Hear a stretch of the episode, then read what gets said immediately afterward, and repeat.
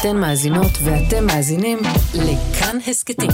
כאן הסכתים, הפודקאסטים של תאגיד השידור הישראלי. היסטוריה לילדים עם יובל מלכי. ג'רלד דרל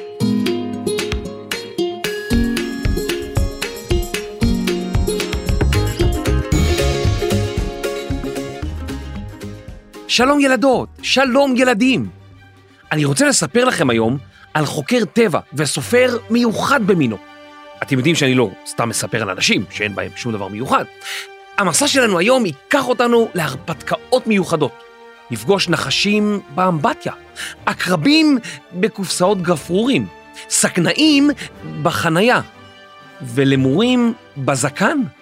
נטייל באיי יוון, ביערות הסבוכים של אפריקה ובגני החיות של בריטניה, ונלמד איך לשמור ולהגן על חיות בסכנת הכחדה.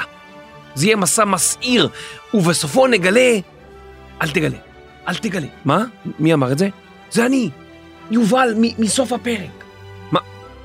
למה לא לגלות? הילדים פה, הם רוצים לדעת. לא, לא, זה פרק ממש טוב, אל תגלה את הסוף. אה, לחכות עם הסוף לסוף. ברור, ככה זה הרבה יותר מותח. אה, אוקיי, אז נחכה לסוף. בואו ילדים, בואו ילדות, נצא למסע בעקבותיו של החוקר האנגלי, ג'רלד דרל.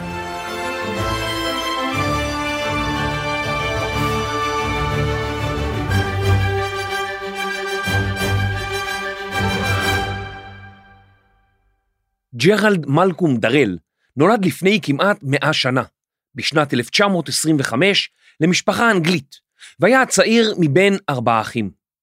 רק נושא אחד ריתק אותו.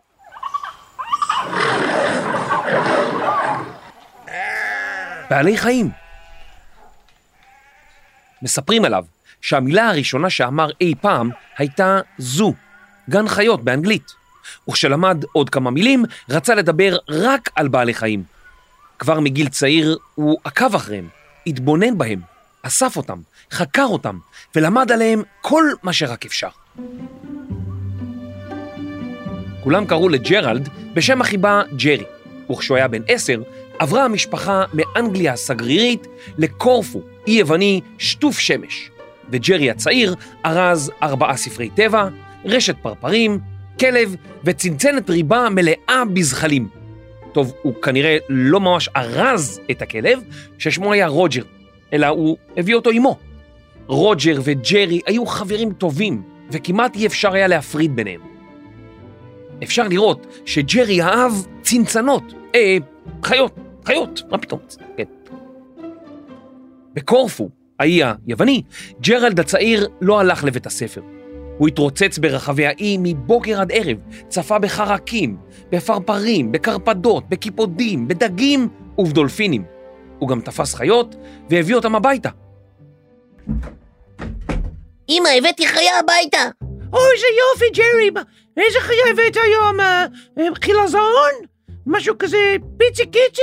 לא, אמא, משהו אחר. או, חיה אחר קטן. מה, מה הבאת? אה, נמלה? הבאת נמלה? לא, אמא, משהו אחר לגמרי. מה, מה זה עוד יכול להיות? מה... הבאת עוד חתול? לא, אמא, זה משהו עם מים. מה? חתול עם מים? לא, זה לא... אני לא יודעת, מה, מה יכולת להביא? מה זה אומר? אה, סרטן קטן בצוקי? לא, אמא, טיפה יותר גדול. נו, תגיד לי כבר. הבאתי דולפין. אוי, איזה יופי. מה, הבאת? גרי, אתה משוגע, תחזיר אותו למים! מה פתאום מביאים דולפין הביתה? מה אתה רוצה שהוא יעשה פה? מה, הוא יגור באמבטיה, אמא. אמא, תני לי, אני טיפה אגדל אותו ואני כבר מחזיר אותו. אוי, ג'רי, מה אתה עושה? איזה שטויות.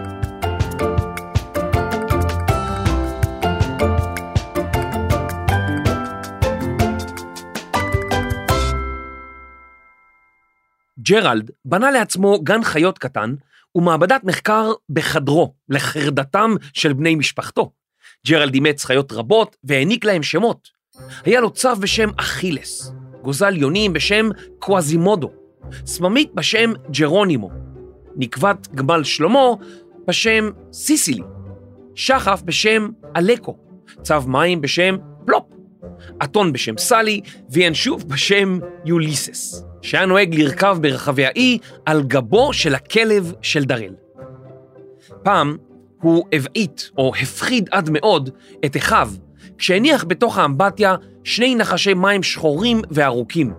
חם להם, הוא הסביר, הייתי חייב לקרר אותם. ופעם הוא הקפיץ את המשפחה כולה, ששכח לספר להם שהטמין משפחת עקרבים שלמה בקופסת גפרורים גדולה. בהזדמנות אחרת, הוא ניסה לפחלץ עטלף קטן, והסריח את הבית כולו למשך שבועות. נו, מה עשית, ג'רלד? מה זה, פי, זה ריח? אוף, הרגת אותנו, חבר, הרגת. בשלב מסוים, המשפחה החליטה שהוא גדל כמו פרא, ושהוא חייב ללמוד. הוריו מצאו לו מורים פרטיים. ג'רלד נהג לאחר לשיעורים, חוץ מלאלה שעסקו בטבע. כיוון שרק חיות עניינו אותו, המורים נאלצו למצוא דרכים לשרביב חיות לכל תחומי הלימוד. בשיעור היסטוריה הוא למד לא רק על מסעו של חניבעל בערי האלפים, אלא גם על כל פרטי חייהם של הפילים של חניבעל. בשיעור גיאוגרפיה הוא למד על החיות המאפיינות כל מדינה, ובשיעור ספרות הוא המציא סיפורים מסמרי שיער על הרפתקאות משפחתו שלו בג'ונגלים שורצי נחשים. חלק מהשיעורים התקיימו תוך כדי רחצה בים. ג'רלד, בוא, בוא לפה, עכשיו זה זמן ללמוד, ואני אמרתי אפשר להתרחץ בים וללמוד, כי רק ככה אתה מקשיב. תסתכל איזה גובה אני קופץ פה על הגל, יא פוף! לא, ג'רלד, אתה מרטיב לי את כל הספרים והמחברות. ג'רלד, תעמוד ישר, אני רוצה לדבר איתך עכשיו על גלים. למה יש לנו גלים? מה, אני יודע למה יש גלים. נו, למה? כי הנה, אני קופץ לתוך המים! ג'רלד, תיזהר, אתה עושה גלים, אתה מרטיב את הניירות. הנה, אמרתי לך, גלים! לא, ג'רלד, באמת, מספיק עם שטויות. צריך ללמוד, בתוך הים.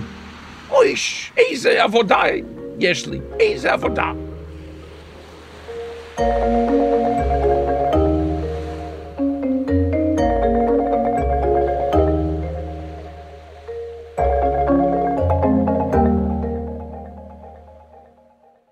אחרי חמש שנים עתירות חוויות בקורפו, פרצה מלחמת העולם השנייה, והמשפחה חזרה לאנגליה. דראל היה אז בן 15, הוא חיפש ומצא עבודות שקשורות בבעלי חיים. הוא עבד כעוזר בחנות חיות, בחווה ובאקווריום. לא בתוך האקווריום, אלא מחוץ. עם תום המלחמה, כשהיה בן 20, הוא התקבל לעבודה באחד מגני החיות הגדולים בבריטניה, ועבד כמטפל בדובי קוטב, באריות ובנמרים. הוא היה בטוח שהנה, חלום ילדותו מתגשם. אבל עד מהרה, דראל גילה שהמציאות בגן החיות עגומה להפליא.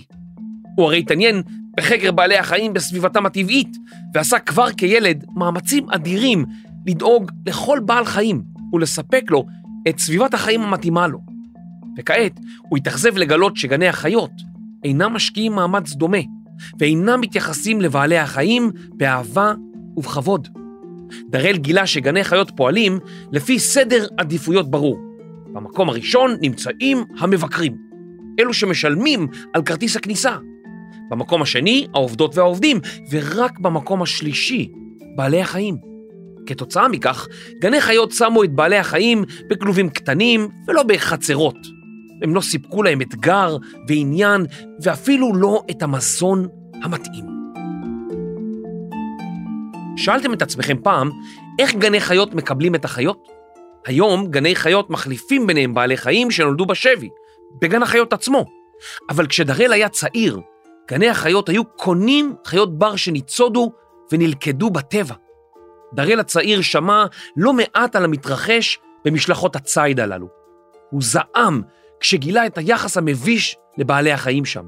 הוא הבטיח לעצמו, כשרק אוכל, אני אעשה את זה אחרת. כשהיה בן 21, קיבל דראל סכום כסף בירושה. הוא החליט להשקיע את הכסף במשלחת לקמרון, שבמרכז אפריקה, במטרה לאסוף חיות לגני חיות, אבל לעשות את זה כמו שצריך. דראל הציב במקום הראשון את טובת החיות. הוא החליט לאסוף רק מעט חיות, ולא כל חיה שאפשר לצוד. והוא דאג שכאשר יגיעו החיות ליעדן, הן יחיו בכלובים גדולים ומרווחים, עם מזון מתאים. הוא הודיע גם שיש מינים שהוא מסרב לאסוף, כי אין שום הצדקה להציג אותם בגני חיות הרחק מסביבתם הטבעית. הוא החל לפתח את הרעיון שגני חיות חייבים למלא תפקיד פעיל בשמירה על הטבע. אבל הוא עדיין עבד בגן חיות שקיבל החלטות משלו. דראל החליט שהוא חייב להקים גן חיות משלו.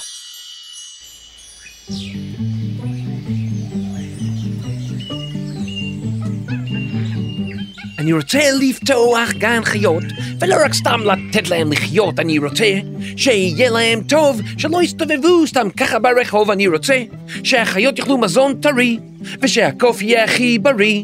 אני רוצה שיאכלו פירות ואבטיח, ולא יאכלו בכלוב קטן ומסריח. אני רוצה חיות שזקוקות להגנה, ולא סתם חיות שאוכלות קצת בננה. אני אביא איתי חיות ממש לכאן. אבל היי, רגע, אני אשים אותן?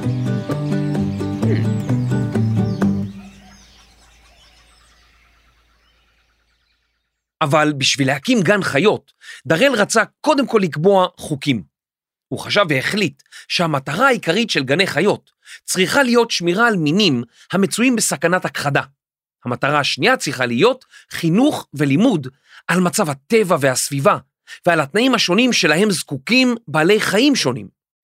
דראל הדגיש שאסור לגני החיות להתייחס לבעלי החיים כאל אמצעים לבידור המונים. גני החיות חייבים לספק לבעלי החיים תנאי מחיה טובים, סביבת מגורים הולמת המשקפת את גודל הטריטוריה שלהם בטבע, מזון מגוון ומתאים, בני או בנות זוג, חיים חברתיים ואתגרים מחשבתיים וגופניים.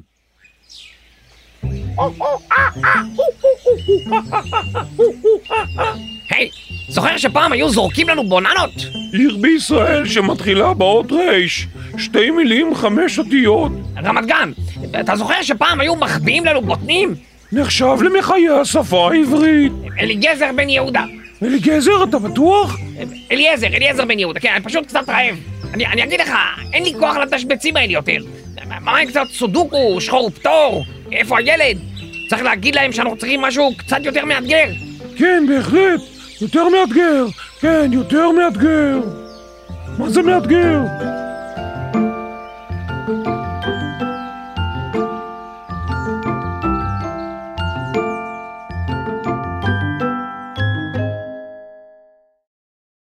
כדי להגשים את החלום שלו, דראל היה זקוק לכסף. אחיו הבכור לורנס, מי שהיה סופר מצליח, עודד אותו לנסות ולכתוב על הרפתקאותיו. עד מהרה דראל התגלה כסופר מחונן, רגיש מאוד ומצחיק מאוד. ספריו הראשונים עסקו בחוויותיו ממשלחות איסוף חיות ברחבי העולם. ספרו השישי, משפחתי וחיות אחרות, סיפר על ילדותו באי קורפו, על החיות שפגש ועל משפחתו האוהבת, אך המשונה. הספר, יצירה מצחיקה להפליא, זכה להצלחה אדירה, היה רב מכר באנגליה ובארצות הברית, וההכנסות מפרסומו אפשרו לדראל לממש את חלומו. וכך, בשנת 1957, כשהוא רק בן 32, ארגן דראל משלחת נוספת לקמרון שבאפריקה. המטרה שלו הייתה לאסוף בעלי חיים לגן חיות חדש, גן החיות שלו. במהלך אותו מסע, אסף דראל יותר מ-200 בעלי חיים שונים. הוא הביא אותם לאנגליה, אך עדיין לא היה לו גן חיות. אז בינתיים, בעלי החיים שהביא מאפריקה התגוררו בחצר ביתה של אחותו, בפרברי עיר הנמל בורנמו, שבאנגליה. אם ברוב החצרות היו דשא ופרחים, מהחצר של אחותו נשמעה מקהלה של ציוצים, שריקות, צפצופים ונהמות.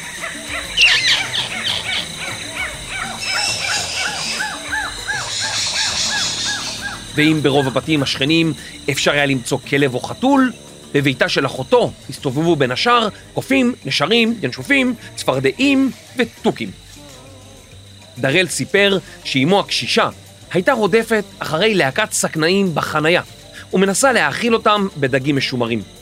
אחותו הייתה מגישה לחיות סעודות עכברושים מדי בוקר וערב, והשכנים, הם השתגעו.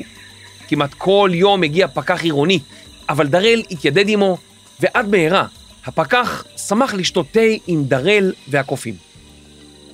רק כעבור שנתיים מצא דראל את המקום המושלם, באי ג'רזי, אחד מאיי התעלה הבריטים השוכנים בין אנגליה לצרפת. שם עמד להשכרה בית אחוזה עתיק. דראל שכר אותו ופתח בו את גן החיות, ולצידו את הקרן להגנה על חיות בסכנת הכחדה.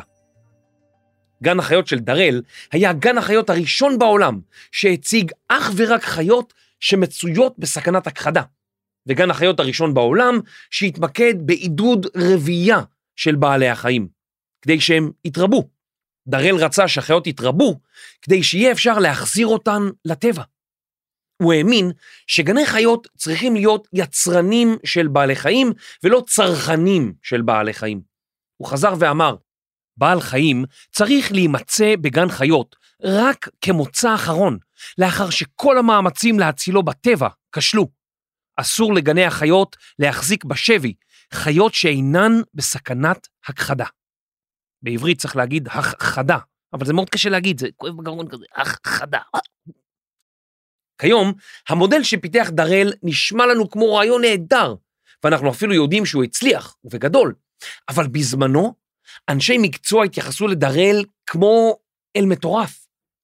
ג'ורג' קאנסדייל, מי שהיה אז מנהל גן החיות של לונדון, אחד מגני החיות הגדולים והחשובים בעולם, התנגד לדראל במשך שנים, תקף אותו בכל הזדמנות, ואפילו דאג שגני חיות אחרים יחרימו אותו. בגני חיות, התצוגות הפופולריות ביותר הן בדרך כלל של בעלי החיים הגדולים והמוכרים, יובלים, הם, יובלים, ג'ירפות, נמרים, פנדות ופינגווינים. גן החיות של דראל לא התמקד בבעלי החיים האלה, אלא במי שהיו מצויים בסכנה מיידית. למשל, עכברוש מהאיים הקריביים, חזיר גמדי מהודו, או קרפדת יבלות מהאמזונס. דראל דימה את גן החיות שלו לתיבת נוח, מקום בטוח ומוגן, שאוסף אליו את כל המינים המצויים בסכנה, כדי להציל אותם מהכחדה. למרות שדראל עצמו מעולם לא למד באוניברסיטה, הוא הקים מוסדות לימוד ותוכניות הכשרה שהכשירו לאורך השנים אלפי עובדים בגני חיות, בכל רחבי העולם. הרעיונות שהוא דאג לספר ולהפיץ עזרו לשנות את הדרך שבה מתייחסים לחיות בגני החיות בעולם. אלפי זואולוגים, אנשים שמתמחים בחקר חיות, מטפלים ומתכנני גני חיות מכל רחבי העולם, למדו במוסדות הלימוד שדראל הקים. דראל היה מעורב במאמצים לשמור על שטחי טבע פראי בכל רחבי העולם, מהאמזונס ועד הודו. הוא עודד הקמת מרכזי שימור בשטח. מרכז אחד כזה הוקם באי מדגסקר שבאפריקה, במטרה להגן על הלמורים, אותם כיפופים חמודים שלא ניתן למצוא בטבע בשום מקום אחר בעולם. אם תחפשו באינטרנט תמונות של דראל, תוכלו לראות אותו יושב מוקף בלהקות של למורים. הלמורים נאחזים לו בזקן, מחטטים באפו באצבעותיהם הארוכות, ואפילו מנקים את אוזניו. אני מקווה שעם אצבעות אחרות מאלה שהיו באף. מרכז שימור נוסף הוקם באי מאוריציוס שבאוקיינוס ההודי. שם חיים כמה ממיני הציפורים הנדירים והמיוחדים ביותר בעולם. למרות שדראל היה איש עסוק, הוא מעולם לא איבד את העניין בטבע ובבעלי החיים. עמיתיו מספרים עליו שגם כמבוגר, הוא היה מתבונן בעולם כמו ילד סקרן, מתכופף בין השיחים, מרים אבנים, אוסף זחלים. אשתו לי הייתה ביולוגית, חוקרת ושותפה בעבודתו. כשהם חגגו עשר שנים לנישואיהם, הוא העניק לה במתנה ארבעה כבישי טרנטולה. לא תודה. לא תודה תולה. למרות שלאורך השנים מאמציו של דראל השתלמו, היו גם רגעים שבהם הוא לא היה מרוצה. הוא אמר פעם, עולם הטבע נהרס במהירות של מטוס סילון, בעוד אנחנו מנסים להגן עליו במהירות של רוכבי אופניים. למרות זאת, גני חיות ברחבי העולם מתייחסים כיום לחיות בצורה מכבדת יותר, הרבה בזכותו של דראל. דראל השאיר אחריו מורשת אדירה, אלפי אנשי מקצוע למדו ממנו, ומיליוני מעריצים קראו את ספריו ונדבקו בהתלהבות שלו מיופי הטבע. דראל כתב כמעט 40 ספרים, ורבים מהם תורגמו לעברית. הספרים שלו מצחיקים להפליא, ותמר ואני ממליצים לכם לחפש אותם בספרייה. בספר גונבי החמורים תוכלו לקרוא סיפור ילדים שובב שמתרחש בקורפו. ביונים ורודות ועטלפים זהובים תוכלו לקרוא על פרויקט השימור האדיר במאוריציוס. ובקרובתי רוזי תוכלו לקרוא סיפור מומצא לגמרי ומצחיק עד דמעות על איש צעיר שמקבל בירושה פילה שיכורה יוצא איתה למסע ומותיר אחריו שובל של הרס. עוד ספר נהדר שהוא כתב עם אשתו הוא חובב הטבע, המדריך המלא והשלם לכל צעיר וצעירה שמתעניינים בחקר הטבע המקיף אותם. הצלת בעלי חיים בהכחדה היא תהליך מורכב שמצריך ידע, נחישות, אמונה וסבלנות. דראל ניחן בכל התכונות האלה, ובעוד רבות נוספות. הוא העז לצאת נגד כל גני החיות בתקופתו. הוא העז להקים גן חיות בעצמו, והוא לא היסס לחלום ובגדול. בזכות פעולותיו, עשרות רבות של מינים ניצלו מסכנת הכחדה ממשית. על שמו קרויים שבעה מינים של בעלי חיים, מכל רחבי העולם, וביניהם דג מאוקראינה, צפרדע מאקוודור, סלוניה, יונק דמוי שועל ממדגסקר, סממית ממאוריציוס וסרטן מים מתוקים מסרי לנקה.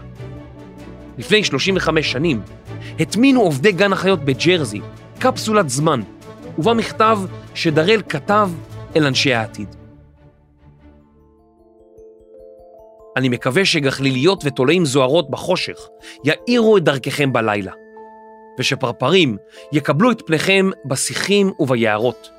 אני מקווה שתקומו עם שחר למשמע מקהלת ציפורים מזמרות, ושמשק כנפיהם ואושר צבעיהם יכו אתכם בסנוורים. אני מקווה שבעתיד עדיין יימצא מגוון מסחרר של יצורים שיחלקו איתכם את החיים על פני כדור הארץ, שיקסימו אתכם ויעשירו את חייכם, בדיוק כפי שהקסימו אותי ואת בני זמני, והעשירו את חיינו. אני מקווה שתהיו אסירי תודה על כך שנולדתם לעולם מופלא שכזה.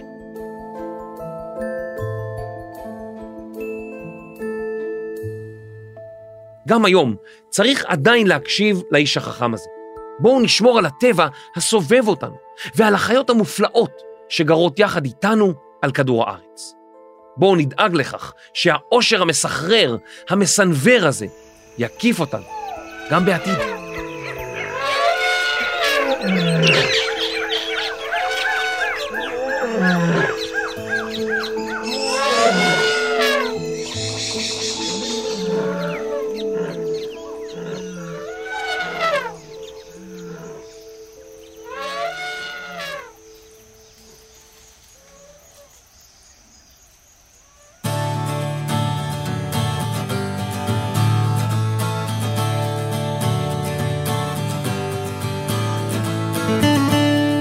הציטוטים בפרק מתוך משפחתי וחיות אחרות, שכתב ג'רל דראל, תרגם יואב אבני, ויצא לאור בהוצאת הרפתקה.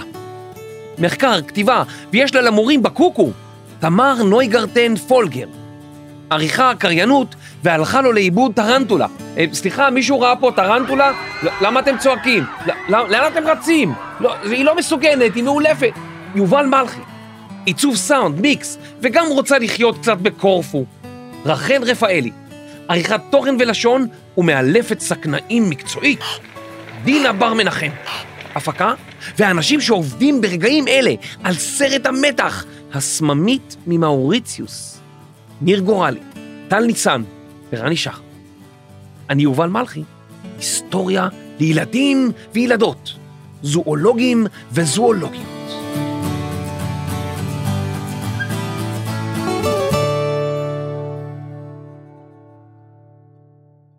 היי, תודה שהאזנתם.